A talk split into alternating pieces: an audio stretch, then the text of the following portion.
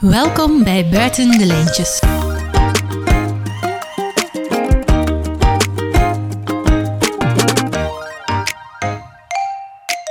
Welkom bij Buiten de Lijntjes, de podcast over kleuteronderwijs in Vlaanderen. Vandaag gaan we het hebben over risicovol spel. En ik heb daarvoor Helena Sienaert bij mij uitgenodigd. Dag Helena. Dag Eva, dankjewel om mij uit te nodigen. Zeer graag, ik ben blij dat je kon komen. um, kan u zelf even heel kort voorstellen? Uh, ja, ik ben uh, Helena Sinaert. Ik ben docent en onderzoeker aan Artevelde Hogeschool, um, expertise-netwerk Mens en Samenleving en opleiding Pedagogie van het Jonge Kind. Um, en ik ben daar ja, sinds een twaalftal jaar um, zowel onderzoek aan het doen als les aan het geven over pedagogie. En dan vooral het werken met kinderen en jongeren rechtstreeks, maar ook professionalisering van leerkrachten en kinderbegeleiders, uh, iedereen die met jonge kinderen werkt. En dus heel hard geïnteresseerd in risicovol spelen. ja. ja, want je hebt daar onderzoek naar gedaan, hè? een aantal jaar geleden. Ja. Misschien beginnen we best bij het begin. Wat is risicovol spel? ja, risicovol spelen uh, heeft verschillende definities. Hè. Er zijn er verschillende in omloop. Um, eentje die ik zelf heel leuk vind, is uh, de definitie van Rasmus Kleppe. Dat is een Noorse onderzoeker die bij peuters onderzoek heeft gedaan. Um, en die eigenlijk in zijn definitie heel hard aanhaalt van risicovol spelen spelen kan een aantal voordelen hebben, hè, zoals kinderen die um, nieuwe dingen of nieuwe ervaringen opdoen, um, nieuwe dingen bijleren, um, ook angst kunnen overwinnen, dus een aantal positieve effecten. En natuurlijk, waar dat mensen spontaan aan denken, zijn de negatieve kanten. Kinderen kunnen angstig worden tijdens risicovol spelen of kunnen zich pijn doen, fysiek letsel oplopen. maar ik vind het heel mooi in die definitie dat er een balans zit tussen die twee aspecten, omdat mensen bij het woord risico heel vaak denken van oei, er is iets negatiefs, dus het is te vermijden. En dat combineren met spelen, dat lijkt niet zo zo goed kloppen in de hoofden van veel mensen, omdat we heel vaak de neiging hebben om kinderen te beschermen. Um, maar bij spelen, zoals bij alles in het leven, komen de risico's kijken. Dus het is ja, belangrijk om daar ook over na te denken. Hoe staan we daar tegenover? En ook wat kunnen de voordelen zijn van bepaalde risico's? En is er, er is een balans tussen um, risicovol spel of gevaarlijk spel, of er zit een stukje gevaarlijk spel in. Ja. Wat, wat, is het verschil met gevaarlijk spel? Kun je dat zien? Of, ja, of... Ehm, het is zo dat inderdaad in het Nederlands gaan we heel vaak het woord gevaar en risico door elkaar gebruiken. Ja. Uh, we maken duidelijk dat onderscheid. Een gevaar is, ja, kort door de bocht, een element in de omgeving waaraan dat je jezelf kan pijn doen. Uh, dus bijvoorbeeld, er is een scherpe tak in de tuin of uh, er liggen losse keien, zulke dingen.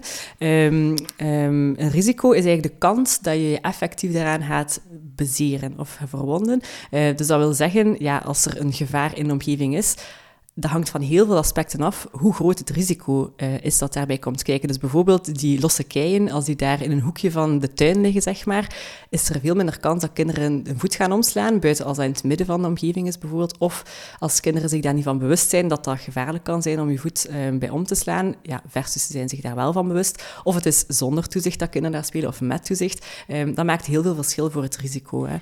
Ja, dus eigenlijk kunnen niet zeggen, um, een toestel bijvoorbeeld is mm -hmm. uh, gevaarlijk versus niet, dat is risicovol ja, dat hangt af van wie dat erbij staat, van het kind en zo verder. Ja. Zo is ja, ja, zeker voor speeltoestellen zijn er natuurlijk wel zo'n aantal normen, ja. Europese normen, die um, de veiligheid op een, een, stukje al gaan inschatten. Dus als een speeltoestel voldoet aan die normen, dat is ook de taak van een preventieadviseur vaak, om dat te gaan controleren, um, dan heb je meer kans natuurlijk dat het veilig is. Maar ja. het toestel op zich kan veilig zijn, um, maar het gebruik van het toestel, en kinderen zijn zeer creatief, heeft natuurlijk ook wel een impact op hoe veilig is het dan. Ook het weer bijvoorbeeld, als dat een toestel is dat buiten staat, gaat onveiliger zijn als het geregend of geijzeld heeft dan als dat niet zo is. Of als het ijzer van een toestel heel heet wordt in de zon in de zomer bijvoorbeeld. Ja, dus ook de omgeving en het gebruik door kinderen heeft daar een impact op, op hoe veilig um, dat, dat dat toestel gaat zijn. Dus het is eigenlijk, risicovol spelen is een heel complex thema, omdat het zowel elementen in de omgeving bevat, ook het gedrag van kinderen, ook de ondersteuning die ja. er mogelijk is. En dan ga je ook bijvoorbeeld dus een verschil hebben in situaties waar dat kinderen één op één ondersteund worden, door iemand die ook goed kan observeren en het kind goed kent bijvoorbeeld. Dat is een heel andere situatie dan een groep van 80 kinderen met iemand die minder sterk is in observeren, die de kinderen niet zo goed kent, um, die ook nog een keer ja, niet met eigen kinderen bezig is. Dus ja. ook nog de grens voelt, of de uitdaging voelt van, moet dat hier straks nog gaan uitleggen aan die ja. ouders bijvoorbeeld. Um, dus het verschil tussen je eigen kinderen en een professionele context is ook een hele belangrijke. En misschien als we het over de definitie hebben, vind ik um, voordelig risico nemen, uh, het is een beetje een stuntelige um, vertaling van beneficial risk-taking, vind ik ook een interessante term om mee te geven. Dat is eigenlijk van een Australische onderzoekster die een doctoraat rond heeft gedaan in 2020. en zij spreekt eigenlijk over ja, de risico's die we willen onderzoeken, zijn vooral ehm, de risk-taking, de risico's die kinderen zelf gaan nemen. Hè. Zij zet dat ten opzichte van ehm, ehm, being at risk in het Engels, dus risico lopen. Hè. Dat is ook een onderscheid dat wij heel sterk maken in ons team. dat we eigenlijk situaties willen waarin dat kinderen bewust en bij jonge kinderen is dat discutabel hoe bewust dat is. Hè, maar dus ervoor kiezen om een risico te gaan nemen, is een andere situatie dan een kind dat risico loopt. Hè. Ehm, eh, dus bijvoorbeeld, ik zet een baby in het midden van een kruispunt. Ja, het is heel duidelijk dat kind loopt risico, want het kan nog helemaal niet goed verkeer inschatten, ook niet goed doordenken over mogelijke gevolgen van die situatie. En zelfs dan nog zou een kind niet in staat zijn, puur fysiek, om zich ja, goed uit die situatie te gaan redden of zich te beschermen tegen die gevaren. Dus dat is een heel duidelijke situatie. Dat kind loopt risico. Hè. Een kind dat gaat voelen van hm, dat speeltoestel is hier glad of die, die balk of, of eh, die omgeving dat ligt hier glad of die heeft geijzeld onlangs. Hè. Um, ja, heeft door van hm, dit is hier wel tricky om, om te gaan spelen. Maar je gaat zien dat kinderen, zelfs al zijn ze nog heel jong, dan toch ergens zo'n klik gaan maken van ik ga toch een keer proberen. En dan zie je, ja, dat is natuurlijk qua observatie niet altijd evident, maar dan zie je heel vaak non-verbaal signalen van ze gaan ergens beslissen om dat toch te gaan proberen. En dan krijg je eigenlijk een situatie waarin een kind die inschatting gaat gaan maken en zichzelf gaat uitdagen om dat risico te gaan nemen, waardoor dat je een andere situatie krijgt. En doen alle kinderen dat? Wel, ik neem aan dat je denkt aan zo kinderen die heel... Uh, heel voorzichtige kinderen, ja, heel voorzichtig zijn. Of aan de andere kant van, uh, van de... Je die overal op vliegen. ja, voilà, die niet lijken na te denken. De, de vraag is natuurlijk, is dat dan ook echt zo? Hè? Maar inderdaad, dat zijn zo'n beetje de twee extreme. De kinderen die heel, heel voorzichtig lijken, heel graag in die comfortzone blijven zitten, of overal gevaren gaan ja, zien opdoemen in hun ogen. Hè? Um, dat zijn natuurlijk de kinderen die, ja, die misschien wat meer tijd gaan nodig hebben om de risico's aan te gaan, of waarbij dat het wat langer duurt tegen dat ze zich comfortabel voelen voor een volgend stapje. Um, ik moet zeggen, in groepen zijn dat vaak de kinderen die als het over risicovol spelen gaat, wat vergeten worden. Hè? Want zij gaan niet zo heel veel appel doen op die beschermingsdrang van, van volwassenen. Um, maar het is wel heel belangrijk om ook die kinderen in het vizier te hebben, omdat zij natuurlijk ja, ook soms die ondersteuning nodig hebben om dat volgende stapje te proberen. Ja, zij moeten soms net misschien gestimuleerd worden. Ja, voilà. Zonder ze volledig in paniekzone... we maken ze dat onderscheid in comfortzone, leerzone, paniekzone. We willen de kinderen niet continu in die paniekzone brengen, maar op hun tempo op hun manier uit die comfortzone halen is wel een hele belangrijke. En leren omgaan met, ja, misschien kan ik wat hulp vragen of ik vind het spannend, het leren benoemen van emoties bijvoorbeeld, zal bij die kinderen zeer belangrijk zijn. En als je natuurlijk kijkt naar de kinderen aan de andere kant, de kinderen die dan geen besef lijken te hebben van risico's of zich daar weinig van lijken aan te trekken van de mogelijke gevolgen, zij zullen dan vooral ondersteuning nodig hebben bij op tijd ook een grens aangeven of op tijd ook hen laten nadenken over wat zijn de mogelijke gevolgen als je hier nu van afspringt, als je nu hè, die bal in die richting gooit, wat kan er dan gebeuren voor jezelf, maar ook voor andere kinderen, dat dan misschien minder aangenaam is.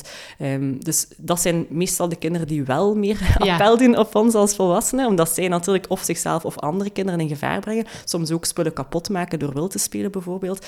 Um, dus dat zijn degenen waar dat er automatisch gesprek over ontstaat. Hè. Maar ook voor die kinderen, als zij, ja, sommige kinderen lijken wat roekeloos te zijn in een spel, maar er zijn ook kinderen die heel veel uitdaging zoeken, waar wij ook veel objectief risico noemt dat dan. Hè, dat, we, dat we zien van, ja, objectief gezien zit die wel heel hoog, dus er komt wel veel risico bij kijken bijvoorbeeld. Maar dat, dat kunnen ook kinderen zijn die daar wel nood hebben en die daar ook competent in zijn. Dus dat is ook nog een belangrijk onderscheid. Hè. De roekloze kinderen, ja, is dat besef bijbrengen van, oh, even stop, kijk eens wat er hier aan het gebeuren is, denk eens verder, is daar belangrijk. Maar er zijn ook kinderen waarvan dat je denkt, oeh, dat is een kleuter en die zit daar van boven op de dak van dat speelhuisje. Ja, wij krijgen daar stress van, omdat we denken, dat hoort precies niet in ons hoofd. Terwijl ik denk, als je echt kijkt naar motorische wat dan, hoe lang een kind soms ook al op een speelplaats speelt, hè, als die daar al van 2,5 is en die is bijna 6, ja, dat zijn al jaren dat een kind daar in diezelfde context heeft gespeeld. Dat kan heel goed zijn dat dat voor dat kind net het volgende stapje is in die zone van naaste ontwikkeling, waar dan een kind wel nood heeft, motorisch gezien, dan om te gaan klimmen en klauteren. En de vraag is, moet dat dan op dat dak van dat speelhuisje? Als er een goed klimtoestel is, misschien niet. Hè? Maar sowieso, elke ja, constructie op een speelplaats bijvoorbeeld gaat andere vaardigheden gaan aanspreken. Dus het kan heel goed zijn dat een klimtoestel, ja, als een kind daar al honderd keer op geklommen mm. is, dat dat niet meer dezelfde uitdaging biedt als ah, de rand van dat dakje, dat is wat glad en hoe ga ik daar dan aanpakken? Dus op zich, ja, voor mij is het altijd een signaal als een kind kind iets doet wat risicovol is, als het een bewuste keuze lijkt, is dat voor mij een signaal dat dat iets is wat dat kind op dat moment prikkelt of triggert om een stapje verder te gaan in ontwikkeling. Dus is het voor mij zaak om te kijken waar zit dan net die uitdaging van dat kind? Kunnen we dat op dit moment niet op een veilige manier ondersteunen? Ja, dan moeten we dat misschien wel even afbreken of gaan veranderen, zodanig dat het voldoende veilig blijft. Maar dat is wel een belangrijke observatie om mee te nemen als kinderen continu zeg maar, op dat dak van dat speelhuisje willen klimmen of op een hek uh, van de speelplaats of zulke dingen. Uh, of continu dan toch van die heuvel willen afglijden of allee, wat, wat, het ook is. Hè. Voor mij is dat een signaal. Zeker als dat heel veel bij heel veel kinderen voorkomt, dan denk ik, dan is er ergens een gebrek aan structurele uitdaging op dat vlak. En dan is het aan ons om te kijken hoe kunnen we dat structureel wel inbedden. Ja. Misschien nog even terugkomen op dat beneficial risk-taking. Ja, um, want ik heb nu uitgelegd het verschil tussen risico lopen en risico nemen. Hè, maar beneficial gaat over zo voordelig. Hè. Dus wat we naartoe willen is situaties waarin dat, dat risico ook een voordeel oplevert. Hè. Want er zijn ook situaties waarin dat kinderen risico, ja, risico's nemen of risico lopen, waar dat er eigenlijk heel weinig meerwaarde is voor de ontwikkeling van kinderen, los van ja, leren met vallen en opstaan is altijd zinvol. Hè? Mhm. Ehm, maar soms zijn die voordelen echt wel groter dan in andere situaties. Een kind dat net inderdaad op die grens van zijn mogelijkheden zit en daar iets nieuws te leren heeft, of daar een nieuwe ervaring kan opdoen, een diepgaande ja, nieuwe soort ervaring, dat is altijd voordeliger, of is een groter voordeel dan een kind dat, ja, dat een risico gaat nemen dat eigenlijk niet in verhouding staat met die speel- of leerkans die daarbij bij komt. En dat is eigenlijk ja, de uitdaging voor ons als volwassenen om te kijken, oké, er zijn een aantal risico's verbonden aan die situatie. Er kan, het kan misgaan, een kind kan schrik krijgen. Of ja, ik zeg misgaan, je ziet dat nu niet hè, in een podcast, maar ik doe tussen aanhalingstekens misgaan, eh, omdat we dan vanuit gaan, het heeft een ander effect dan dat we hadden verwacht. Het is niet altijd negatief, hè, maar dus beneficial wil gaan kijken naar wat zijn de voordelen van die risico's die kinderen nemen, wegen die op tegen de mogelijke nadelen. Dat is dan echt een argument om te gaan zeggen, we gaan het toch gaan toestaan. Dat brengt mij naadloos, denk ik, op de volgende vraag. Als je hebt het in het begin al heel kort aangehaald. Hè, als we het hadden over de definitie, er zijn heel wat voordelen en er zijn ook nadelen. Mhm. Maar wat zijn nu de voordelen van risicovol spel? Want waarom vind ik dat belangrijk om hier een podcastaflevering over te doen? Uh, waarom vinden we dat dat meer in kleuterklassen aan bod moet komen, of mhm. ook bij ouders, denk ik. Mm je hebt het zelf al genoemd, ik heb er een paar opgeschreven. Het mhm. leren benoemen van emoties. Ik ben mhm. bang, of het is niet veilig, of ik, ik vind het leuk of spannend. Uh, dat vind ik ook leuk. Ehm, en zichzelf leren inschatten, waardoor dat situaties ook minder gevaarlijk worden. Ja. Merk ik zelf bij mijn dochter. Als je dan meerdere keren zelf op een glijbaan leert lopen met een beetje hulp, dan kunnen ze dat beter dan als ze dat nog nooit hebben gedaan en plots vanuit een heel hoge starten. Ja, klopt. Ehm, zijn er nog zo voordelen dat je zo kunt zeggen? Ja, wel, dus de emotionele voordelen, en wat je net benoemt, is, is eh, ook leren omgaan met het feit dat dingen soms moeilijk zijn, dat dingen frustrerend kunnen zijn, ehm, dat je soms ook een keer pijn hebt, dat je soms ook een keer schrik krijgt. Dat zijn vaak, voel je als volwassene ook vaak de emoties dat wij zelf wel lastiger vinden. Eén, om toe te staan dat kinderen die krijgen, hè, want je voelt je verantwoordelijk en je denkt, ah, ik wil niet dat hij pijn heeft, of ik wil niet dat hij triest wordt. Of dat, ja, dat is een soort natuurlijke, denk ik, drang van ons om die negatieve dingen te willen vermijden. Terwijl ik denk, zeker in een educationele context, waar dat je kinderen dingen ook wil bijbrengen, dan denk ik, is het zo belangrijk om ook die emoties er te laten zijn. Het is niet zo dat altijd alles voorspelbaar en over rozen loopt. Er komen ook soms moeilijke emoties bij en dan zeker ook pijn hebben en een keer iets fout inschatten en daaruit kunnen leren, is echt iets belangrijks om aan kinderen te waarschijnlijk ook een beetje bij de veerkracht van kinderen op te bouwen. Hè? Inderdaad, leren, oké, je doet je pijn, en het gaat weer over. Ja, voilà. ja. Dus bij risicovolle situaties, je hebt eh, twee allee, grote scenario's met veel tussen, tussenpaadjes. Dus het loopt ofwel heel goed en kinderen gaan echt een centimeter groeien, waar dat je bij staat van, oh, ik ben aan de overkant geraakt, of ik, ik, eh, ik ben door die wilde um, speelplaats geraakt, zonder dat ik, dat ik uh, mij pijn gedaan of iemand anders heb omvergelopen. Dus allee, kinderen kunnen daar echt van genieten dat, dat dat gelukt is. Ze hebben die uitdaging durven aangaan en dat is dan gelukt. Aan de andere kant, ja, het kan zijn dat een kind probeert tussen twee muurtjes erover te gaan springen over eh, de leegte en daar zich ja, misrekend heeft of afgeleid is op het cruciale moment en zich dan wel pijn doet, dan denk ik, ja, ook dat is leerrijk. Maar dat is heel moeilijk om op dat moment te denken, oeh, dat ziet er ver uit, ik weet niet of een kind dat gaat kunnen. En om dan toch niet te gaan tussen beiden komen, dat is een hele grote uitdaging voor ons. En ook daar weer, je probeert in te schatten van wat is de kans dat het misloopt, hoe ernstig gaat dat dan ook zijn. En je weegt af met wat zijn de voordelen van dan eventueel bijvoorbeeld dat gevoel van, ik heb het hier wel kunnen. Het is niet altijd te voorspellen of, dat dat dan gaat kloppen, wat je in je hoofd hebt. Maar heel vaak hebben we ja, een beetje een rampscenario in ons hoofd. En is het heel moeilijk om die voordelen op dat moment te kunnen zien. Terwijl als ze er vaak wel zijn. Hè. Maar stel dat een kind zich dan wel misrekent en zich pijn doet, ja, ik kan geen betere leerschool hebben dan dat natuurlijk. Dan dat een kind de volgende keer weet, oké, ik ga het hier over een ander boeg moeten gooien. Ik ga toch aandachtiger moeten zijn. Ik ga toch iets meer kracht moeten tonen. Ik ga toch, ja, of, of beslissen van, dit is te hoog gegrepen voor mij. Ik ga andere dingen moeten doen tijdens het spelen. Ook dat is een, een leerschool. Hè. Dus als het gaat over de voordelen, ik denk kinderen zoveel mogelijk die vrijheid geven om te spelen zoals dat zij denken dat het goed is of dat het voor hen uitdagend is ja, is op zich al een belangrijke leerschool, omdat ze zichzelf inderdaad veel beter gaan leren kennen. En ik denk, ja, het grootste voordeel dat ik altijd noem is risicocompetentie. Je hebt dat ook al een stukje verwoord, dat kinderen leren zichzelf beter kennen. Wat durf ik? Wat kan ik? Ehm, en dat kan op allerlei vlakken zijn. En wat durf ik is vooral emotioneel dan. Weten van jezelf, als ik daar ga opklimmen, ik denk dat ik in het midden ga panikeren, dat is een belangrijk inzicht, dat kinderen ook maar opdoen door dat te proberen bijvoorbeeld. Maar ook fysiek bijvoorbeeld. Ben ik sterk genoeg om tot aan de overkant te komen? Of, ja, of ga ik cognitief dan ga ik verschillende opties kunnen bedenken. Als ik dan vastzit in die boom, kan ik dan verschillende manieren bedenken om daar weer uit te komen. Um, dus kinderen leren zichzelf heel goed kennen, maar ook de fysieke omgeving, um, de ruimte, de materialen. Door daar veel mee te experimenteren, ook soms risicovolle dingen te doen, gaan ze heel snel leren hoe dan een ruimte in elkaar zit. Hè?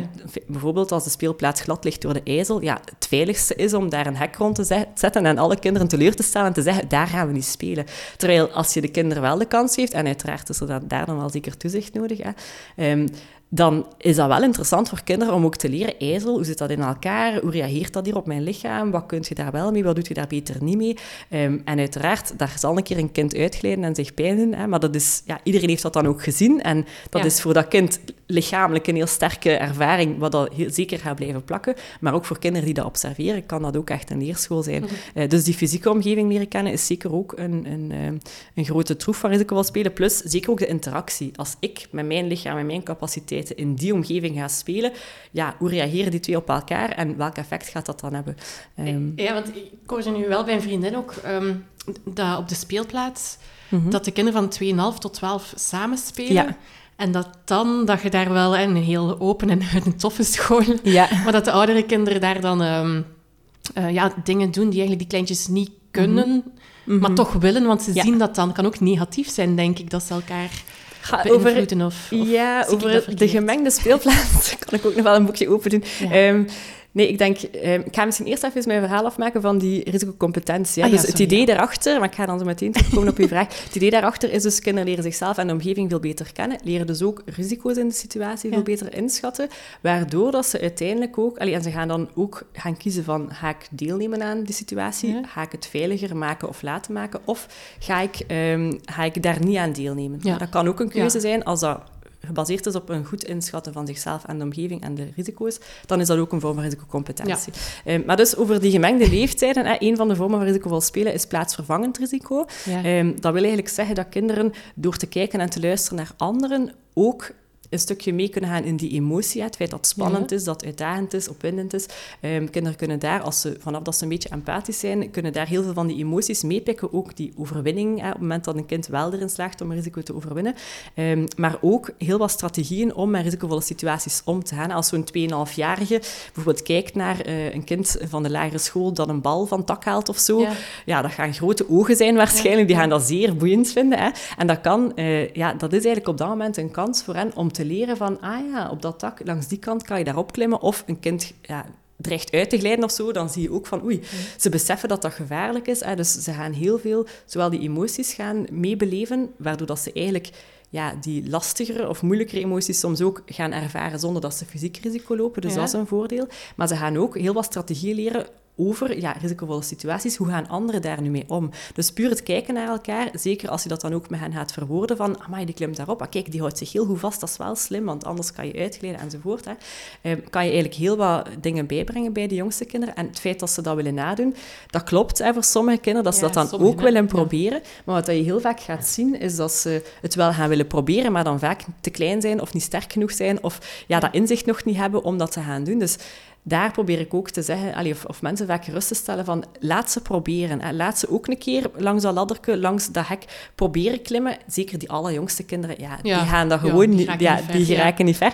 um, maar ook zelfs kinderen die al wat ouder en misschien wat sterker en groter zijn, gaan dat vaak proberen, maar zullen dan vaak zelf wel aanvoelen van, mm, dat is hier lijkt toch letterlijk dan wat te hoog gegrepen. Hè? Ik zit nu wel echt al hoger dan dat ik dacht. Of ik voel toch dat ik wat moe aan het worden ben en ik zit nog maar zo ver. En die gaan uit zichzelf heel vaak terugkeren. Natuurlijk, die kinderen waar we het daarnet over hadden, die zichzelf soms overschatten of de mm. risico's gaan onderschatten, die zijn natuurlijk wel in de gaten te houden op zo'n mm. moment. alle kinderen zijn in de gaten te houden op zo'n moment, maar extra in de gaten te houden, zal ik maar zeggen. Ehm, want ja, als kinderen zichzelf overschatten en dan denken dat ze het kunnen, maar ze kunnen het eigenlijk niet, dat is natuurlijk wel ja, een tricky situatie om je aan te wagen. Maar ook daar, ik blijf erbij, hoe meer dat kinderen de kans krijgen om de risico's op maat met de juiste ondersteuning te gaan ontdekken, hoe beter dat ze ook zichzelf gaan inschatten. Dus ja, daar zit zo eigenlijk de lange termijnvisie achter. Hoe meer kansen tot risicovol spelen dat we kinderen gaan bieden. En dat is soms makkelijker in kleinere groepen, in afgebakende activiteiten.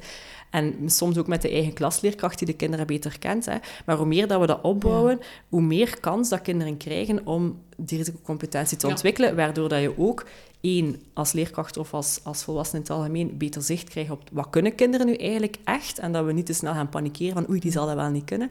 Um, maar dat je ook geruster wordt van je hebt kinderen in andere situaties al gezien en je weet, ah, dat is een sterke of dat is een slimme of die gaat dat op die manier wel aanpakken of die gaat wel luisteren op het moment dat ik zeg oei, nu moet je echt naar beneden komen.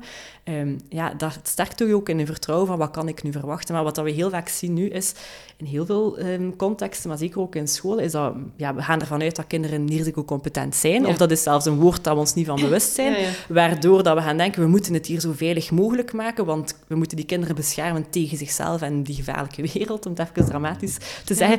Waardoor dat je eigenlijk ja, alle initiaties van risiconame of alle risicovolle situaties probeert te vermijden, waardoor dat je net zorgt dat kinderen er ook niet in kunnen oefenen. Dus eigenlijk hou je dat idee in stand. Terwijl, ja, wat wij in ons onderzoeksproject hebben gedaan, dat was dan zelfs met nog jonge kinderen, babyspeuters, is proberen vertrouwen te krijgen bij begeleiders van laat ze maar een keer proberen. Stel er u naast. Hè. Doe wat dat je nodig vindt om jezelf ook op je gemak te voelen. Stel er u naast of maak oogcontact of, of ja, leg een matje onder dat kind aan het klimmen is.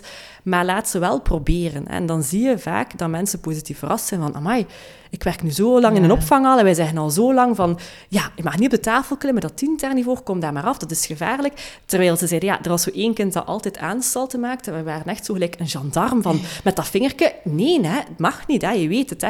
En ze zeiden van, we hebben het nu een keer gewoon geprobeerd, dat kind probeerde opnieuw op dat tafeltje te klimmen en we hebben gewoon even afgewacht en gekeken met een bang hartje van, wat gaat er gebeuren? En, en die begeleidster zei van, ja, die ging daar dan oprecht staan en die zetten hem dan terug neer en die klom daar weer af en er was gelijk niks gevaarlijks gebeurd. en die had echt zoiets van, ik, ja, ik werk nu al zo lang met dat kind en zo lang in de opvang. En ze zei, soms hebben wij ook schrik voor dingen die er niet zijn. En ja, je houdt dat beeld ook in stand natuurlijk. Ja, ja absoluut. Nu, het vraagt natuurlijk wel, allee, om nu terug te komen op dat voorbeeld van de speelplaats. Mhm. Ik denk dat soms ook... Uh, het omdenken is van hoe dat we het altijd al hebben gedaan. Als in, mhm. met twee begeleiders op de speelplaats raakt je er dan wel gewoon realistisch gezien mhm. niet. Hè? Om mm die risicocompetenties op zo'n moment te, goed te kunnen begeleiden en ondersteunen. Uh, ja. Dan moet je soms misschien, als we niet naar het ene kunnen kijken, naar het andere kijken. Hè? Ja. ja, klopt. Als je echt een speelplaats met over de 100 kinderen hebt, met twee begeleiders, soms zijn er ook mensen van buitenaf die de kinderen ja, heel weinig kennen, soms ook veel verlopen in de mensen die toezicht doen dan heb je natuurlijk een andere situatie. Dat is wat ik net, net in het begin zei. Ja, of met die ijzel bijvoorbeeld, inderdaad. Dan moeten er tijdelijk meer begeleiders op de speelplaats komen. Ja, klopt. Dat ijzel dat komt niet zo heel vaak voor in Vlaanderen. We zijn dat niet zo gewoon. Hè. Als ik dan in, in, in Noorwegen op bezoek was en kinderen komen daar afgeskiet in het bos, alsof dat niks is, dan denk ik, ja, dit is wel echt een andere situatie. Um, maar dat klopt. Als er... Pardon, maar even...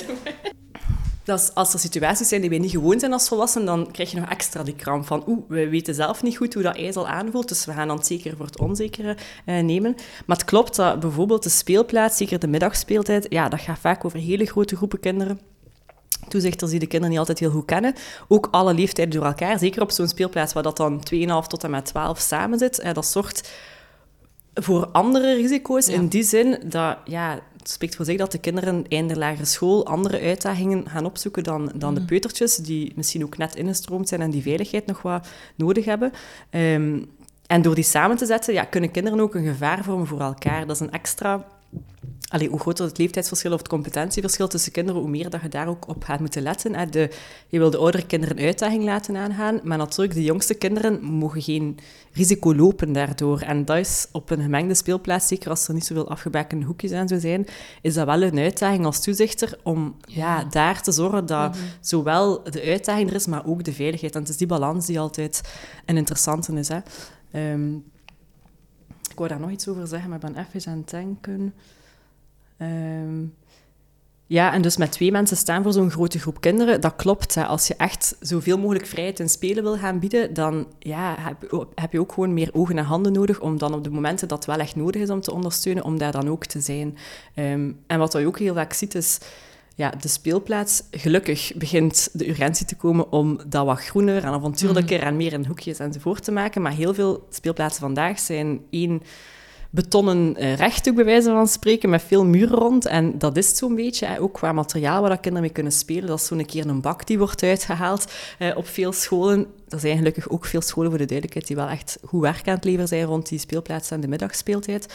Um, maar op heel veel locaties ja, is er precies weinig urgentie rond het belang van kwalitatief spelen, waardoor dat ook ja, de, fysieke omgeving zo weinig uitdaging biedt dat kinderen het ook gaan zoeken op andere manieren. Ik had zo'n speelplaats... Um, van een team waar we vorming aan het geven waren.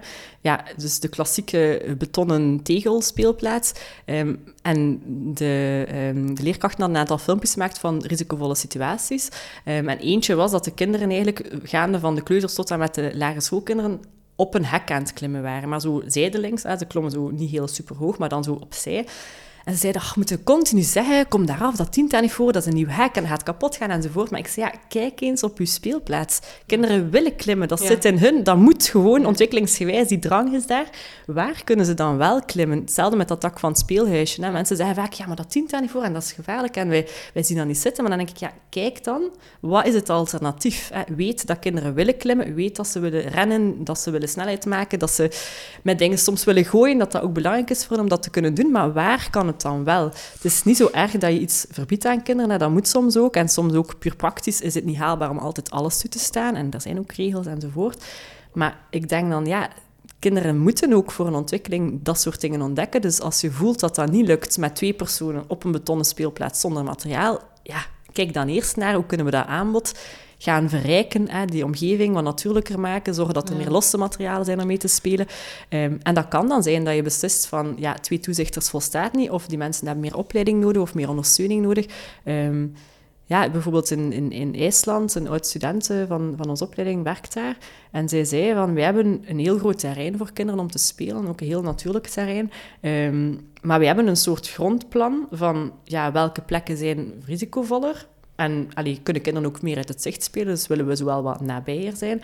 Um, en zij hebben echt een plattegrond met een taakverdeling van die namiddag staan die en die personen op die zone, op die zone, op die zone. Dus dat is niet met koffietje gezellig eh, vanuit één uitkijkpunt overzicht houden over de kinderen. Dat gaat echt over tussen de kinderen gaan staan op een wel gekozen plaats, um, om dan op dat moment op die plek zeker te zijn dat de risico's aanvaardbaar zijn. Dat is een heel andere invulling van hoe dat wij het heel vaak doen. Komt ook vaak door personeelstekort in Vlaanderen en grote groepen enzovoort. Maar dat waren ook grote groepen. Ze waren wel met iets meer personeel. Uh, maar het is de mindset die ik interessant vind van... Ja, ook het woord toezicht ben ik echt geen fan van. Uh, dat geeft zo'n hele passieve indruk van je moet gewoon kijken. Als, als er iemand bijna doodgaat, bij van spreken, dan komt je tussen beiden. Als er iemand heel triest is, en dan gaat je die troosten. Terwijl ik zou het zo mooi vinden, mocht dat ook, die speeltijd ook echt aanzien worden als een volwaardige pedagogische context, wat ik ook vind dat het is. Mm In vrij spelen ziet je de kinderen op hun best, bij wijze van spreken, of toch de meeste kinderen. Ehm, dan doen ze wat ze interessant vinden, daar ontstaan vriendschappen. Daar, dat is zo'n interessante context. Die oud-student zei dat ook van, mijn grootste job gebeurt tijdens die vrije speeltijd. Want dan observeren wij wie speelt er met wie, wie wordt er uitgestoten, wat voor soort spel gaan kinderen opzoeken, welke zones zijn het interessant, welk materiaal. En dan nemen wij dan mee in het ontwikkelen van welke groepjes gaan we maken in de klas, op welke thema's gaan we verder werken. Dan denk ik, ja, dat is zo'n schat aan informatie die nu vaak op scholen eigenlijk ja, of niet gezien wordt, of er wordt te weinig urgentie aan gegeven om dat ook te benutten. Um, ja, en dan krijg je natuurlijk ook, als, als er te weinig uitdaging is, krijg je het feit dat kinderen uitdaging op niet gepaste, tussen aanhalingstekens terug, manieren gaan opzoeken. Um, En als er wel veel uitdaging is, ja, dan heb je gewoon extra mensen nodig om dat ook goed te ondersteunen. Dus ja, die middagspeeltijd, dat is wel, uh, wel een punt die heel belangrijk is. Ja, het gaat om soms meer toezichters, maar soms ook om de manier van begeleiden. Mm zeker. Kunt je wat kant-en-klare tips aan de luisteraars geven om beter risicovol te begeleiden? Ja, ik ga even uh, starten bij stel één op één, hè, want ja. een grote groep is altijd extra uitdagend. Maar dus één op één, wat daar belangrijk is, is ja, wat dat in alle pedagogische insteken belangrijk is, is kijken en luisteren naar kinderen van uh, ja, welke risico's zoeken zij op, welke vermijden ze ook, maar ook hoe gaan ze daar dan mee om? Heb, je, het gevoel dat ze doorhebben waar dat de gevaren zitten? Heb je het gevoel dat ze de mogelijke gevolgen kunnen inschatten? Um, hoe zit dat met motoriek? Hoe zit dat met cognitieve vaardigheden van kinderen? Um, dus ja, daar verwacht ik natuurlijk al heel veel. Hè? Um, maar hoe meer dat je zicht hebt op ontwikkeling van kinderen en waar staat dit kind op dit moment, hoe beter dat je dat kan observeren of bespreken met kinderen, ja, hoe beter dat je ook kan inschatten is het verantwoord om dat kind hier dit te laten doen of is dat niet zo? dus dat is al stap 1, hoe observeren, hoe kijken en luisteren. Ook ja, bijvoorbeeld het woord pas op. um, wordt honderden, zo niet duizenden keren per dag gezegd op een school, maar ook in andere contexten met kinderen. Dat heeft zijn nut, maar niet continu. Als je eender welk woord continu gaat zeggen, dat wordt achtergrondmuziek. Dus kinderen gaan daar niet meer naar luisteren op de duur. Pas op is voor mij interessant op het moment dat je echt het gevoel hebt van er is een gevaar en een kind heeft dat niet gezien mhm. of niet opgemerkt. Dan kan je zeggen, pas op, of de naam eerst nog erbij zou ik zeggen. Hè. Uh, Jules, pas op. Hè, dat kinderen alert worden van er is iets wat ik hier niet door heb. En dan kan je gaan benoemen... Allez, ik zou eerst zeggen, als je tijd hebt, hè, als er geen acuut gevaar is, laat kinderen zelf een zintuigen inzetten en zeg, zeg, van kijk eens goed, luister eens goed, voel eens. Hè, um, zodanig dat ze zelf eigenlijk kunnen het gevaar ontdekken en, of, uh, en, en benoemen. Um, heb je minder tijd, dan kan je gewoon zeggen, daar komt een kind aan een fiets, of pas op, die mat valt om, of wat dan ook. Want soms kan het roepen van pas op ook net zorgen voor gevaarlijke ja, situaties. Zeker, zeker. Dat is, ja. dat is ook een nuance die ik graag maak. Als je echt het gevoel hebt van, er is een soort gevaar waar dat kinderen zich ernstig aan kunnen of blijvend aan kunnen verwonden, dan kan pas op zinvol zijn, maar alleen maar inderdaad als kinderen niet al heel gefocust bezig zijn. Maar vaak, dat is ook een interessante, vind ik, als het over die beneficial risk-taking gaat, de vraag is, waar ligt de focus van het kind? Stel, een kind is... Um, ik zeg nu maar iets, iets aan het bouwen op de speelplaats met losse materialen en er komt een kind aangefietst van achter dat kind. Ja, de focus van dat bouwende kind ligt op die materialen. Die is daarmee bezig. Dus ja, het spreekt voor zich dat hij op dat moment zich niet bewust is van wat komt er hier achter mij. Dus dan, uiteraard is dan een pas op wel voor de twee kinderen interessant. Pas op voor het kind dat aan het bouwen is, maar ook pas op voor het fietsende kind. Pas op, want jullie kunnen botsen. Hè. Ehm, dus die focus van dat spelende kind ligt daar niet op dat gevaar, want dat heeft eigenlijk niks met zijn spel te maken. Hè. Dus daar kan het interessant zijn om gewoon het kind te waarschuwen. Jules, pas op, achter je. Hup, die draait zich om en die ziet dat en die kan uh, echt gevaarlijke situaties gaan vermijden.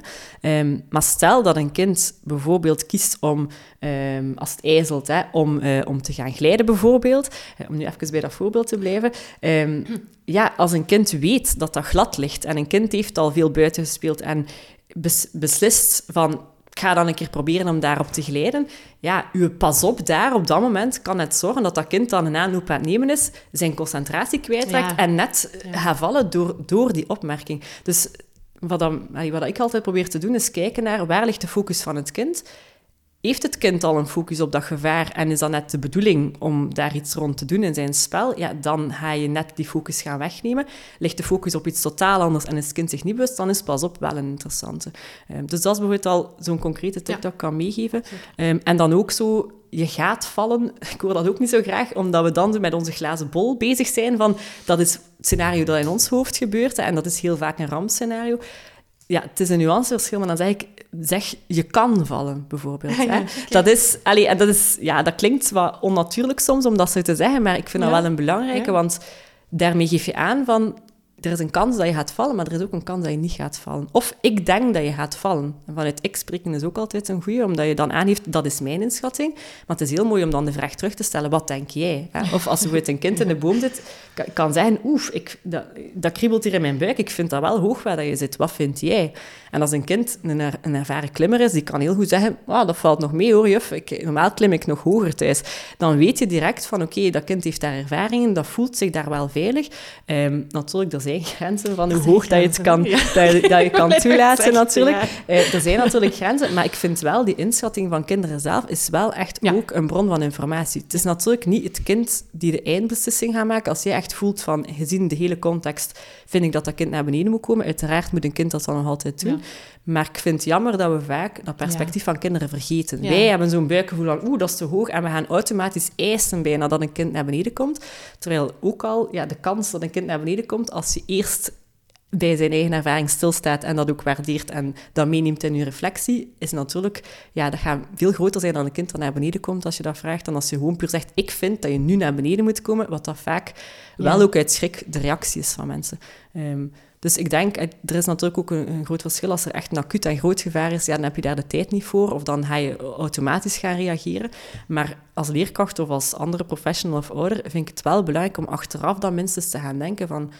Ja, was dat nu de beste reactie of zaten er meer ervarings- of leerkansen voor de kinderen in? En wat ik ook nog wil zeggen rond dat toezicht, dus aanhalingstekens, van verschillende mensen op bepaalde strategische plekken op de speelplaats dat maakt natuurlijk dat de afstand tussen professionals ook groter gaat zijn of vrijwilligers. Um, wat dat dan weer een nadeel is voor het samen beslissen. Mm. Want als er echt situaties zijn dat je zegt van mijn buikgevoel zegt ik moet dat hier onderbreken, maar Misschien kunnen ze toch wel, ik weet het niet goed, dan is het overleggen met collega's ook een zeer belangrijk. Misschien is er een collega die dat kind wel al dat soort spelen heeft zien doen en weet dat dat, dat, dat ook wel kan, ehm, of dat kind in andere contexten kent, dat waardevolle informatie oplevert. Dus het in gesprek gaan met collega's, maar ook met de kinderen zelf en ook met de ouders, vind ik ja, in heel dat verhaal rond risicovol spelen, zoals bij veel andere pedagogische thema's, vind ik een hele belangrijke, omdat iedereen ja, een andere inschatting gaat hebben, met andere elementen gaan rekening houden. Uh, en het is maar door al die informatie samen te leggen dat je, dat je een zo goed mogelijke mm. inschatting gaat kunnen maken van kinderen.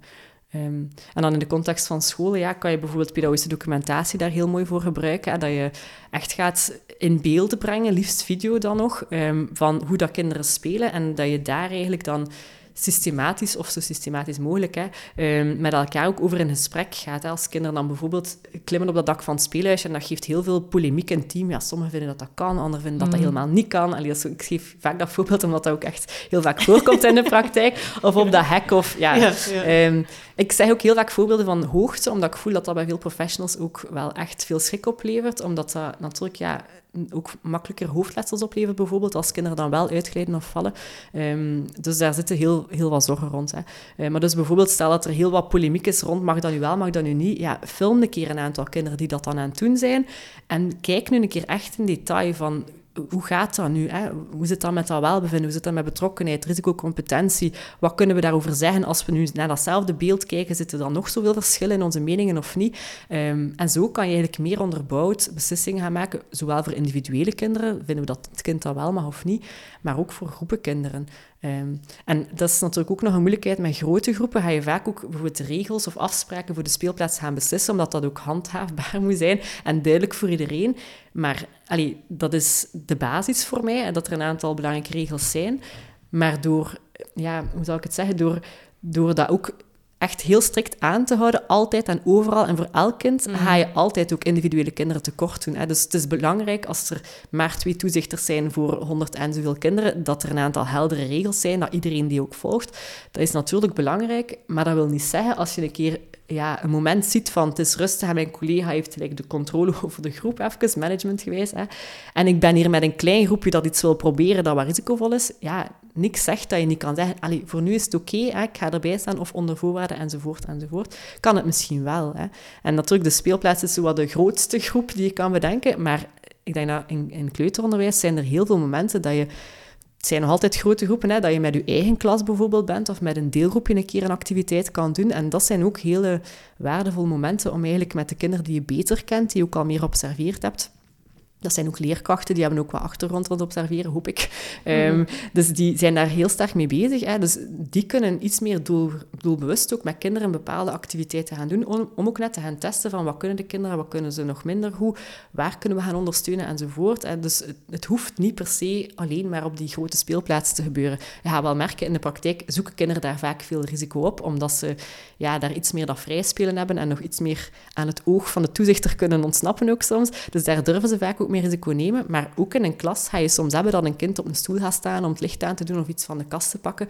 Ja, als je dan puur omwille van de mogelijke risico's kinderen gaat onderbreken, ehm, dan mis je daar ook veel kansen. Hè. Dat kan ook net interessant zijn om kinderen dat wel te laten proberen en daar wat meer ruimte voor te geven. Ehm, dus ik denk in de context van een school dat wat er in de klas gebeurt, ja, minstens even belangrijk is rond risicovol spelen dan wat er op de speelplaats gebeurt. Ja. Ik ga even samenvatten van wat tips die je net hebt gezegd. Ja, Allee, ja, eigenlijk aan het afwijken, Ja, nee, het is oké. ik denk dat het ook nog een goede tip was, mm maar ik ga het nog even zo ook formuleren. Ja, doe maar. Dus pas op met pas op. Ja. is het eerste. Niet te vaak uh, en wel doordacht dat woord gebruiken of die woorden gebruiken. Mm Luister naar de kinderen. Mm Ze kunnen zichzelf goed inschatten meestal. Mhm. Um, en, ja, een stuk agency geven ook van uh, wat ze kunnen. Uh, en dan overleg, overleg met je team, met ouders. Zo meteen daar nog een zijvraag over. Mm -hmm. uh, en dat kan je ook doen aan de hand van pedagogisch documenteren. Dus dat is ja. foto's of video's nemen. Uh, en in gesprek daarover gaan aan de hand van die foto's en video's met je team, met de kinderen zelf, met de ouders en zo verder. Mm -hmm. um, en in deelgroepjes oefenen heb ik nu ook als laatste tip. Hè, van het Ja. moet niet altijd met, op de speelplaats, niet alleen daar, maar je kunt eerst een kleine groep oefenen. Mhm. eh, en dan kun je er ook wat meer op vertrouwen dat die risicocompetentie, gelijk alle competenties, ontwikkelen zich ook. Hè. Ja. Dus door meer te oefenen en begeleid van klein of van individueel of per twee of per vier, naar uiteindelijk meer op de speelplaats. Ik denk dat dat bij de meeste dingen ook zo'n beetje zo verloopt. Ja, dat is Dus, ook iets ja. wat dat je als leerkracht wat gemoedsrust geeft, dat het niet meteen iedereen en all the way moet gaan. Ja. Want risicovol spelen, dat je echt klein kan beginnen voelen van waar zit mijn comfortzone en wat durf ik als leerkracht. Want het is natuurlijk ook voor jezelf als professional, maar ook als ouder, ja, je gaat ook risico lopen door zo'n dingen toe te staan bij Mhm. kinderen. Want als het dan tussen aanhalingstekens misloopt, hè, dan krijg je automatisch heel Mhm. veel repliek van collega's, van andere ouders, van enzovoort. Hè. Dus je weet ook op het moment dat je dat toestaat, dat je zelf ook dat risico gaat nemen. En ja, daar is in een team bijvoorbeeld ook heel belangrijk dat je, dat je het gevoel hebt dat je daarin gesteund wordt. Hè. Mhm. Als jij die ene leerkracht bent die dat dan probeert hè, met hamers eh, een, een werkje maken met de kinderen of, of vrij laten, laten, eh, laten bouwen of zo, ja, en het loopt dan mis tussen aanhalingstekens, hè, dan, dan ga je heel wat weerstand vaak krijgen of, of zo de houding van, ja, zie wel, hè, we hebben het allemaal gezegd, maar je wou het per se proberen, dus you're on your own. Of met de vinger wordt gewezen van, ja, het is zijn of haar fout. Ehm, dus dat is ook een hele belangrijke in teams, vind ik, dat je echt als team daar een, een gedragen visie op ontwikkelt van waarom vinden we dit belangrijk om dat toe te staan bij kinderen, hoe gaan we elkaar ook steunen. Hè? Eh, want in elke klas ja, zijn, er wel, zijn er wel leerkrachten die denken, oeh, maar als het bij die ouder, of het met Ja, het kind van ja. die ouder gebeurt, dat, dat, wil ik niet, allee, dat wil ik niet alleen voor staan voor dat gesprek. Dus daar wordt ook vaak nog wat onderscheid gemaakt in bij welke kinderen gaan we het wel toestaan. Als je voelt van er is een vlot contact met de ouders, gaan, gaan mensen dat sneller zien zitten. Ehm, dan als ze voelen van dat loopt al stroef met die ouders en allee, de, de- het loopt al niet zo evident om rond dagdagelijkse thema's te communiceren. Laat staan dat we nog een keer over veiligheid van een kind hebben. Dus daar is ja, het communiceren naar ouders een heel belangrijke troef, maar ook het u gesteund voelen door uw leidinggevende en door uw, door uw collega's, dat is ook een hele belangrijke. Dan communiceren met ouders. Ja. Concreet. We hebben het graag concreet. Ja. Ehm, eh, raad je aan om in het begin van het jaar een infoavond te doen, of dat je nu brochure te verwerken, Ja. of is dat een gesprek dat je voert als het zover is? Of, ehm, Ik denk dat er verschillende sporen belangrijk zijn. Hè. Stel dat je school hebt die zegt van, we willen daar vanaf nu iets doordachter mee omgaan. En dat gaat betekenen dat je kinderen meer gaat toestaan of, of op een andere manier gaat omgaan met dat spelen. Ehm, dan heb je nog altijd twee groepen ouders. Je hebt de ouders die er nu zijn Mm. op de school en je hebt de ouders die nog misschien overwegen om in te schrijven. Dus ik denk, ik denk dat die twee sporen dan ook belangrijk zijn. hè. De huidige ouders, inderdaad, als je echt zegt van, we zijn naar een studiedag rond aan het doen of een traject aan het doen als school, kan mooi zijn om ouders van bij de start bij te betrekken. Van gewoon ook het feit dat je, de- dat je rond dat thema wil werken, Ja. kan je ook de oudergroep een keer rond horen of inderdaad een infoavond doen eh, en een keer uitleggen aan ouders van kijk, waarom vinden we dit belangrijk? Ehm, wat ik wel voel, is dat veel teams een beetje afwachten totdat ze zelf voldoende mee zijn in oké, Ja. wat is nu juist het belang? Dat ze ook voelen van de meeste collega's staan er ook achter. Eh, en dat ze dan eigenlijk pas een stap Ja. zetten om het dan naar ouders formeel te communiceren. Ehm, maar wat dat wel van bij de start al kan, is dat individuele leerkrachten dan, eh, eh, als er zich risicovolle situaties voordoen of kinderen daar eh, ja, risico's eh, willen nemen, dat ze die kleine situaties wel met individuele ouders gaan bespreken. Ja, dat ja. kan je eigenlijk van bij de start al doen en daar is die pedagogische documentatie ook zeer Ja. zinvol in. Hè? Dat je een keer een filmpje maakt van dat ene kind dat daar dan eh, met zijn fietsje van heuvel is gegaan of, of iets anders risicovol heeft gedaan en dat je dat dan echt toont aan ouders en, en bevraagt van, kijk, is dat iets wat hij thuis ook doet? En wat vind je daarvan? Vind je dat dat kan of niet? Hoe reageer jij daarop als ouder? Ehm, en dat je vooral ook dat speelplezier van kinderen gaat benoemen. Hè. Welbevinden, als kinderen joelend van, naar beneden komen van die heuvel, ja, welke ouder ziet dat niet graag gebeuren? Mhm. hè? Of als je echt kan zeggen, zie een keer hoe gefocust dat hij hier was. Hè? Die heeft uh, die takken gezaagd voor uh, constructie te maken, maar zie een keer hoe gefocust en hij let echt goed op enzovoort. Um, en ook, wat dat ook interessant kan zijn, is om de ondersteuning die je daar dan bij biedt, ook in beeld te brengen. dat je echt ziet ook op beelden van, ja, het is niet dat kinderen daar aan een lot worden overgelaten en dat er bijna verwaarlozing is, maar dat is echt iets wat wij als school ook ondersteunen, dat je ook toont op beeld van, dat is wat wij zeggen, dat is wat wij doen. Als het moeilijk loopt, dan gaan we natuurlijk wel gaan helpen enzovoort. Um, zodat ouders ook dat vertrouwen krijgen van, dat is hier wel doordacht. Het is niet zomaar uh, een los fragment. Ja, ik denk ook um, dat we dat al, algemeen als kleuterleerkrachten, dat we dat wat vaker ook mm mogen verduidelijken, dat we professionals zijn en dingen wel doordacht en dat we, ja. dat we daar hebben over nagedacht dat het niet willekeurig is of per toeval inderdaad, maar we werken vanuit een visie. Als je dat doet, ja, communiceer daarover en maak dat duidelijk. Ja. Inderdaad, ja. denk ook activiteiten die je gaat doen. Als, als, als een kleuter thuiskomt en zegt, ah, vandaag hebben we vuur gemaakt op school. Ja, heel wat ouders gaan op hun achterste poten staan. Maar veel kinderen vertellen daar ook wel over. Dus als je weet dat je zoiets gaat doen waarvan dat je denkt... Ja. veel, veel ouders gaan, gaan vragen hebben daarbij. Anticipeer daar dan op. En zeg op voorhand van, kijk, volgende week gaan we een activiteit met vuur doen. Dat is goed ondersteund. Maar heb je vragen of zorgen, kom gerust naar ons, dat je die drempel ook verlaagt. Eventueel ook op voorhand uitleggen van, kijk, we gaan dat en dat als voorzorg voorzorgsmaatregelen nemen. Er staat een emmer water naast en we gaan enzovoort. Hè. Um, of de kinderen moeten op een bepaalde afstand blijven, of ze moeten één voor één naar het vuur komen, of zulke dingen. Dat kan ouders echt ook... Het, want sowieso bereid je dat voor als leerkracht, als je mhm. zoiets gaat doen. dus als je dat op voorhand meegeeft aan ouders, dan weten ze, ah ja, dat is goed overdacht. Hè. Dat, dat is zo veilig als nodig, zeggen we dan. Um, dus echt grote risico's worden natuurlijk vermeden. Um, en zo ga je eigenlijk die zorgen en vragen een stapje voor gaan zijn. En ik denk als je zo mondjesmaten met kleine activiteitjes en voorbeelden individuele ouders, maar ook soms groepen ouders al kan meenemen, dat die daar ook wel wat in meegroeien. En dan de groep van ouders die nog overweegt om in te schrijven of naar infodagen komt, ik denk dat daar ook zeer belangrijk is om van bij de start wel al die visie mee te geven van kijk, wij willen een avontuur bieden aan kinderen, we vinden die uitdaging belangrijk, eh, omdat dat voor ontwikkeling van kinderen, maar ook gewoon speelplezier heel belangrijk is.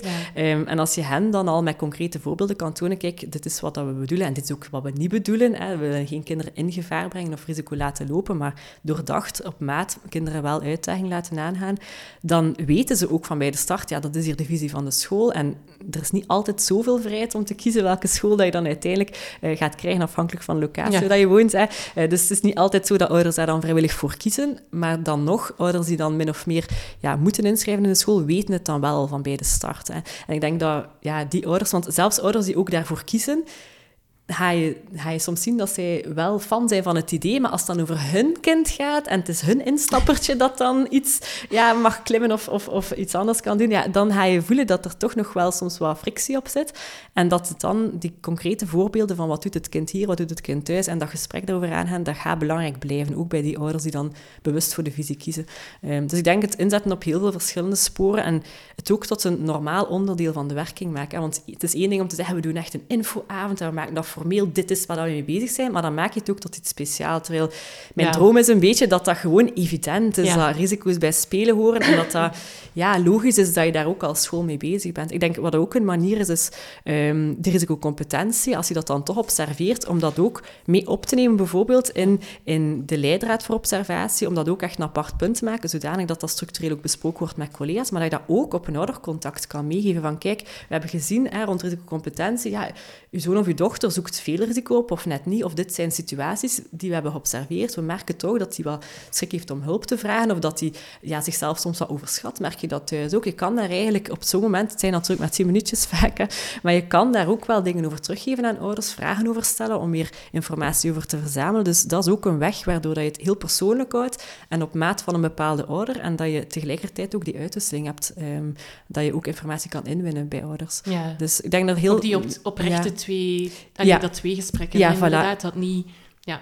info geven is. Ja, inderdaad. Maar dat is misschien nog een gesprek apart. Hoor. Ja, ja. zeker. Maar dat, dat is wel een mooi voorbeeld, inderdaad. Ja, ja, ja. ja dat zit ook, allee, het is ook een beetje afhankelijk van het publiek van ouders, denk ik. Want allee, het, is, ja, het idee van kinderen moeten autonoom kunnen zijn en zelfstandigheid is belangrijk enzovoort. Niet voor elke ouder is dat zo. Nee, Sommige ouders gaan veel meer uit van, ja, kinderen zijn kwetsbaar, we moeten die beschermen. Een goede ouder of begeleider of leerkracht gaat net zorgen dat een kind nooit iets overkomt en die moet die in bubbelplastic steken en, en altijd beschermen. En, en ja, eh, dus dat, als dat oprecht je visie als ouder is, dan voel je veel meer afstand ten opzichte van ouders die wel mee zijn in het belang van autonomie enzovoort. En die daar op zich al achter staan. Dus dat gaat soms ook nog wel extra gesprek vergen om uit te leggen waarom kijken wij daar zo naar en binnen welke bredere visie op ontwikkeling en, en ondersteuning van kinderen kadert het. Want, ehm, dus ja, afhankelijk van de doelgroep ga je nog wel extra dingen nodig hebben, denk ik. Maar het gewoon ook de ouders zelf laten zien wat dat het is. En een keer een speelnamiddag, of als je dan toch de speelplaats aan het hervormen bent, samen met ouders daaraan bouwen, letterlijk. En ook vragen van wat vind je wel oké, of vind je niet oké. Ja, hoe meer dat ze betrokken zijn, dat spreekt voor zich. Hoe, hoe meer dat ze ook gaan begrijpen waarom dat het zo wordt vormgegeven. En, en daar ook hopelijk meer achter kunnen staan. Ja. Um, maar sommige scholen zeggen ook van, ja kijk, dit is onze visie. En als ouders daar echt niet achter staan, ja, er zijn ook nog andere scholen. Hè? Maar dus, daar voel je ook verschillende teams van ja, kunnen we dat wel maken om te zeggen, we gaan alle kinderen zo'n activiteiten laten doen, als ouders er echt niet achter staan.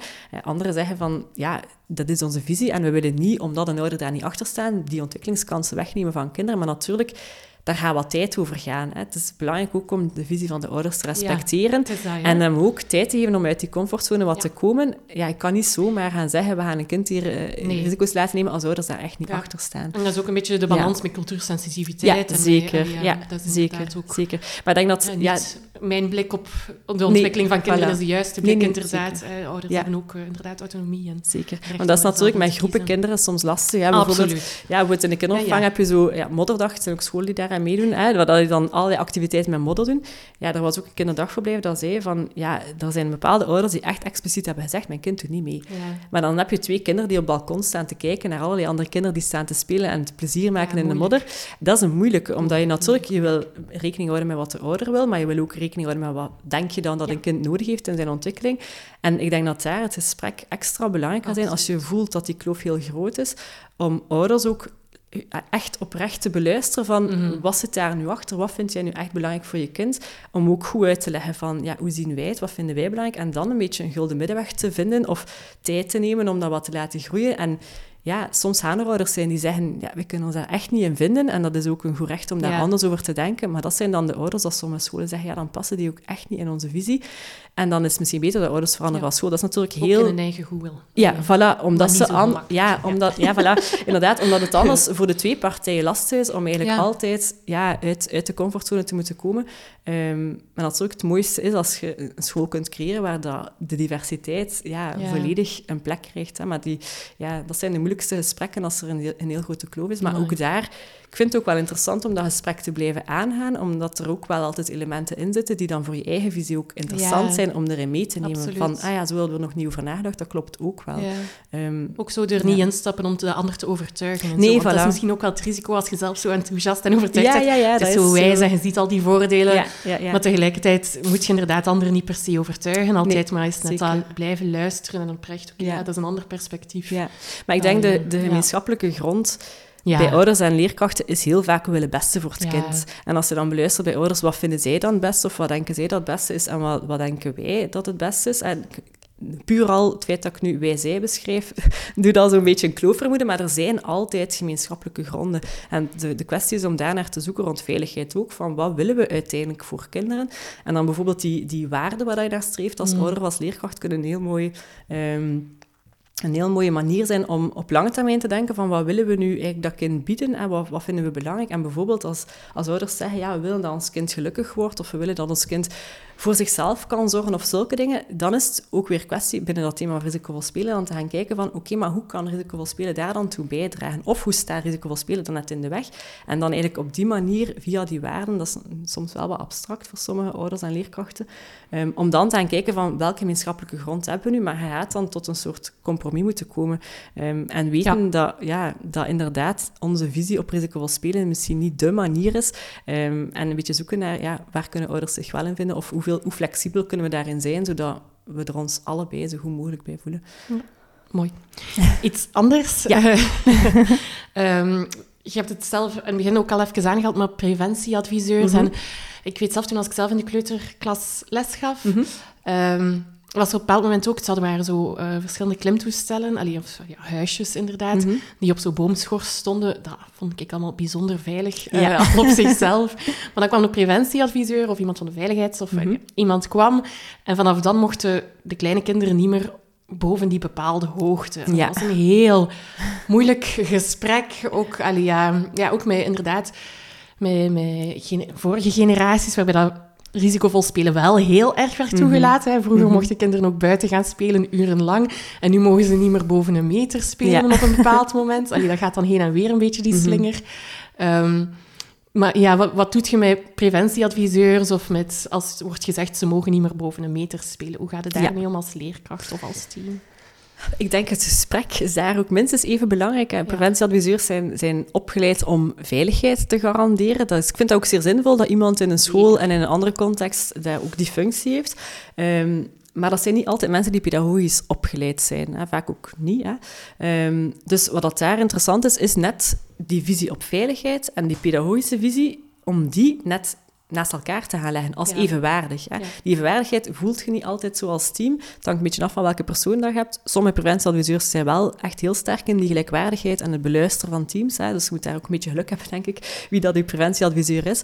Maar ik denk dat ja, daarop staan dat daar een dialoog over komt, vind ik wel een hele belangrijke. Ja, hè. Want het team kent de kinderen, kent de context, weet hoe dat toezicht georganiseerd is enzovoort. Preventieadviseur heeft vaak heel veel inzicht in wat zijn de normen Europees en hoe zit het met de regelgeving enzovoort. Gaat daar zich op baseren en probeert eigenlijk alle mogelijke risicovolle situaties uit te sluiten. Nu, dat is een beetje in strijd met ons idee van we maken het zo veilig als nodig. Hè. Dus de echt ernstige letsels willen we natuurlijk wel, Ja. of blijvende letsels willen we natuurlijk wel gaan vermijden. Maar de kleinere, dagdagelijkse schrammen, builen, ehm, blauwe plekken, ja, dat hoort gewoon bij spelen. Hè. Dus als je daar een dialoog ook van kunt maken en echt gaan beluisteren van oké, maar welk, welke risico's vermoed je nu als die kinderen hoger dan die meter en een half, Mm. of dat ook gaan klimmen, wat denk je dat het ernstigst mogelijke gevolg is? En als die dan echt kan aangeven, ja, hersenletsel of eh, beklemming, en dat zijn dingen dat je Ja. echt niet over had nagedacht, interessant om mee te kan, nemen, hè, ja. inderdaad, want dat is ook waar dat die mensen in opgeleid zijn, dus zij kunnen vaak Mhm. ook wel nog risico's zien die wij misschien minder Mhm. zien, als, je, als dat minder uw, uw, eh, uw winkel is, zeg maar. Ehm, maar dat gesprek is wel belangrijk, want stel dat je de preventieadviseur, als hij echt heel sterk gericht is op alle mogelijke risico's vermijden, dan ga je ook heel veel speel- en leerkansen Mhm. gaan wegvegen tegelijkertijd. En dat is dan denk ik de taak van een schoolteam, om te gaan aangeven, ja, maar die kleintjes hier, als die niet mogen hoger dan die, dan, dan die meter of zo gaan klimmen, ja, dan missen wij wel die ontwikkelingskansen of die speelkansen. En we hebben hier geen andere opties. Dus we Mhm. vinden het toch belangrijk dat kinderen dat kunnen doen. Dus het moet echt een gesprek zijn van Ja. zowel de veiligheid, maar ook de uitdaging, die twee in balans brengen met elkaar. En, ik zeg ook van, en, ik, ik heb dat zelf niet uitgevonden, maar iemand zei van, ja, een preventieadviseur is een adviseur. Het is zo logisch als dat het, dat het eh, groot is, hè. Eh, maar een adviseur geeft advies. En er is niks dat zegt dat je als school dat advies moet gaan volgen. Natuurlijk, het paraplu-systeem gaat daar heel mooi zijn werk doen, hè, want je hebt de Europese normen, je hebt dan de Belgische, de Vlaamse, de regionale, de schoolgemeenschap, de scholen.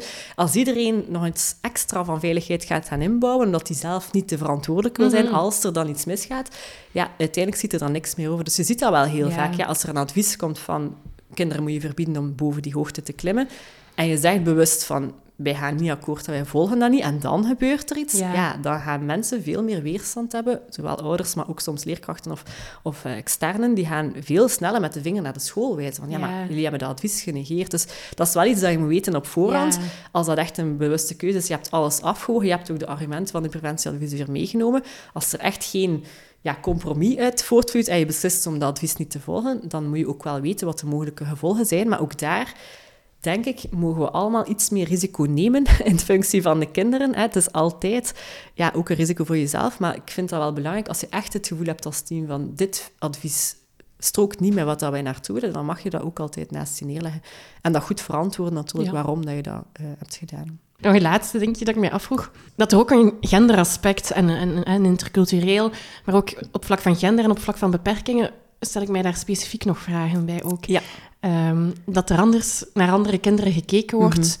uh, door volwassenen per ongeluk, denk ik, hè, impliciet. Ook zonder dat we het zelf beseffen, maar dat we naar onze dochters of naar meisjes ja. bijvoorbeeld. Ik heb hier een onderzoek. Um, uh, bij 30 ouder-kindduo's keek bij risicovol spel. Mhm. En de vierjarige kleuters moesten een hindernisbaan overwinnen mhm. met verschillende activiteiten. Klimmen over een meter en een half hoge catwalk, lopen over een 90 centimeter hoge balk. Best hè. uitdagend om te zien als mhm. ouder, denk ik ook. En de ouders kregen de instructie om een kind te, om te gaan zoals ze dat zouden doen op een speelplaats. Ja. En dan bleek dat vaders, dat vaders, zeker hun dochters, veel dichterbij hielden, veel meer taal gebruikten, veel... Um, ja, voorzichtig mee omgaan dan dat ze met hun, allee, met hun zonen omgingen. Mhm. Ehm, ja, en dat is natuurlijk, ja, dat heeft ook gevolgen op langere termijn. Hè, hoe dat vrouwen en mannen in de wereld staan, zichzelf beschouwen en zo verder. Ik weet niet of dat jij daar ook iets... Uh... Ja, het is zo dat inderdaad bepaalde groepen kinderen veel minder kansen krijgen tot risico's spelen. Zeker ja, meisjes, zoals dat je aangeeft, kinderen met een beperking, maar ook uh, jongere kinderen. Hè. Alles onder drie jaar bijvoorbeeld zijn we nog veel voorzichtiger met kinderen en gaan we nog veel meer aan beschermen, soms overbeschermen. Mm dat, dat hangt inderdaad heel sterk samen met dat beeld dat we hebben van kinderen. Hè. Um, risicovol spelen gaat uit van een krachtig kindbeeld. Kinderen zijn krachtig, competent. Zij kunnen eigenlijk zelf beslissingen maken. Zij kunnen voor zichzelf zorgen tot op zekere mate. Hè. Mhm. Of dat willen we toch proberen zoveel mogelijk te stimuleren. Ja, um, ja als, je, als je dat kindbeeld probeert toe te passen op bepaalde groepen kinderen, dan voel je dat mensen daar, hoe sterk dat ze ook geloven in dat krachtig kindbeeld, dat ze mhm. dan toch voor bepaalde kinderen weer die uitzondering gaan maken. Hè. De kinderen die bijvoorbeeld ook motorisch minder sterk zijn, bijvoorbeeld, hè, daar gaan we veel sneller en oeh, pas op, schatje, en, uh, en toch een handje gaan geven enzovoort, omdat je gewoon, en dat, soms is dat ook terecht, hè, dat kinderen, als ze minder evenwicht hebben of, of minder motorisch sterk zijn, dan kan dat zijn dat ze ook meer fysieke ondersteuning nodig hebben. Maar dat is vaak wel zo in ons hoofd, ja, zijn er toch bepaalde groepen kinderen die dan toch misschien een beetje minder krachtig zijn dan dat we eigenlijk in de, in visie wel, wel willen geloven. Terwijl, ja, ook bij die kinderen is het belangrijk om vanuit de krachten te vertrekken en ervan uit te gaan, te gaan het kunnen en ik ondersteunen waar dat nodig is. Um, en dan bijvoorbeeld bij meisjes inderdaad hebben we vaak ja, zie je bij veel ouders, maar ook bij professionals, vaak de reflex van meer te gaan beschermen en meer te proberen vermijden dat kinderen zich pijn doen of schrik krijgen of, of, of, um, of triest worden enzovoort. Hè, wat dat, ja, ik bedoel, meisjes kunnen evenveel als jongens, als, als van mij afhangt. Dus ja, voilà. Dus eh, dat, dat is eigenlijk... Ja, maar dat is natuurlijk een idee dat al zo lang meegaat. Dat is heel moeilijk om te keren. En gelukkig... Allee, ik, geef, ook heel veel vormingen en zo, mijn collega's ook. En uh, wij vragen ook wel soms een keer van, wat vinden jullie hè, van meisjes en jongens? En dan heb je ook altijd vrouwen die zeggen, ja, mijn partner, eh, mijn man, die ziet daar niet zitten om, om ons dochter of onze zoon dat te laten doen, maar ik wel. Bij ons thuis ben ik degene die ja, dat wel bij ons thuis ook. Voilà, voilà. Um, dus het is echt niet zo zwart-wit als, als dat het soms blijkt. Maar, En over het algemeen bijvoorbeeld wordt er ook vaak gezegd, mannen nemen van zichzelf meer risico en gaan dat dan ook sneller toestaan bij hun kinderen. Hè. Um, maar dat is ook niet voor alle mannen nee. waar. Dus ik denk, ja, het is de blik open houden en bij elk kind, ongeacht geslacht, uh, leeftijd um, of, of uh, competentie, te gaan kijken, wat kan dit kind wel zelf? En daarbij te proberen aansluiten, is voor mij een hele belangrijke. En ja, het is heel moeilijk om je eigen culturele achtergrond, en dat klinkt nu zeer groot en vaag, om daarvan los te komen. Maar ik vind daar, wat ik zeer interessante vind, is om met zo divers mogelijke mensen daarover te praten. Mm. Dat is altijd zeer verrijkend. Hè. Uh, ook met mensen van het andere slag, want heel veel onderwijsteams zijn zeer vrouwelijk bijvoorbeeld. Hè. Dat geeft een bepaalde sfeer. Um, dat bijvoorbeeld voor jongens ook niet altijd zo ideaal is om, om, uh, om in te gedijen. Hè. Dus die, die paar meesters dan bijvoorbeeld kunnen echt het verschil maken voor sommige kinderen. Uh, maar ook daar is niet zo zwart-wit. Het is als het gaat over risicovol spelen, gaan we gaan kijken naar hoe risicoavers zijn mensen of hoe risicostimulerend zijn mensen bijvoorbeeld. Als je daar een diversiteit van in je team hebt, ga je automatisch andere gesprekken krijgen. Als je allemaal zeer risicoaverse leerkrachten hebt, los van wat dan nu mannen of vrouwen zijn, dan ga je een ander gesprek krijgen. Dus ik denk dat daar, sowieso ben ik fan van diverse teams, maar rond risicovol spelen is dan een zeer belangrijk om, om ook mee te nemen. En ook intercultureel gesprek vind ik net zo belangrijk. Hoe kijken andere uh, culturen naar verhouding man-vrouw? Hoe kijken andere culturen naar kinderen met specifieke ondersteuningsbehoeften? Um, ja, dat kan u heel veel inzicht opleveren in ja, hoe kijken wij daar nu eigenlijk zelf naar. Dus opnieuw, ja, ik val in herhaling, maar die dialoog aangaan met verschillende meningen daarover is, is zeer waardevol om uw eigen visie ook uh, te, aan te scherpen. Ja, niet alleen om de andere zijn visie te leren kennen, maar ook eigenlijk die van uzelf, die vaak onbewust, ja, omdat dat ook de norm is of wat je zelf als normaal ziet, pas als je in gesprek gaat. Zeker. Komt dat naar boven. Ja, interessant. Oké, super. Dankjewel, Helena. Ik heb nog één vraagje. Uw ehm, onderzoek rond risicovol spelen uh, was afgerond al even mhm. geleden. Mm -hmm. Stel dat je opnieuw onderzoek, of je bent misschien bezig met nieuw onderzoek naar risicovol spel. Welke aspecten daarvan zou je, de, ja. willen? Um, wat ik heel sterk in geïnteresseerd ben, is het concept van risicocompetentie. Hm? Um, daar bestaat al literatuur over, maar dat is heel beperkt. En eigenlijk weten we niet hoe competent zijn kinderen nu eigenlijk? En dan ben ik vooral benieuwd in die allerjongste kinderen. Er zijn een aantal onderzoeken die bijvoorbeeld aangeven van... Um, als je kinderen bijvoorbeeld over een smal balkje op hoogte laat kruipen en daarin variëren van vanaf wanneer gaan kinderen dan het niet meer durven bijvoorbeeld, of gaan ze gaan blokkeren. En dan zie je eigenlijk dat ja, kinderen van iets meer dan een jaar bijvoorbeeld daar eigenlijk wel kunnen inschatten van hoe groot is de kans dat ik ga vallen. Dus dat hangt af van hoe breed is dat balkje dan. Um, maar de hoogte bijvoorbeeld houden ze dan op dat moment nog geen rekening mee. Dus de ernst van het mogelijke letsel gaan ze bijvoorbeeld nog niet gaan um, incalculeren. Dus dat is bijvoorbeeld een onderzoek met echt jonge kinderen. Um, maar zo zijn er heel, heel weinig. En ik, ik zou benieuwd zijn als je echt jonge kinderen, als in onder drie jaar, hè, in risicovolle situaties hun ding laat doen met zo weinig mogelijk interventies. Ja, zijn ze dan in staat om die risico's te gaan inschatten? Zijn ze in staat om daar op een goede, eh, tussen manier mee om te gaan? Ja, dat zou ik structureel wel een keer willen onderzoeken. Um, wat ik ook een hele mooie vind, is um, dan in de andere richting, bijvoorbeeld de secundaire scholen, wat kunnen zij doen ah, rond risicovol spelen? Want basisscholen beginnen daar wel wat warm voor te lopen, van we moeten daar bewust mee omgaan. Maar ook in secundaire scholen hebben we vaak ja, hele saaie speelplaatsen waar dat er weinig uitdaging is. En er wordt wel gezegd, ja, maar die spelen niet meer zo. Maar ik denk, ja, je biedt ook heel weinig uitdaging fysiek. Of, en het moet ook niet altijd spelen in de zin dat we, zoals we begrijpen, in de basisschool zijn, maar wel fysieke uitdaging kan wel ook op een secundaire school. Dus dat vind ik ook een hele belangrijke om... Uh, ja, misschien een keer in verder te gaan. Tof. Uh, ja. Oké, super. Dankjewel, Helena. Het was heel interessant. Ik hoop dat de luisteraar daar ook van overtuigd wordt. Ja, bedankt om mij uit te nodigen nog eens.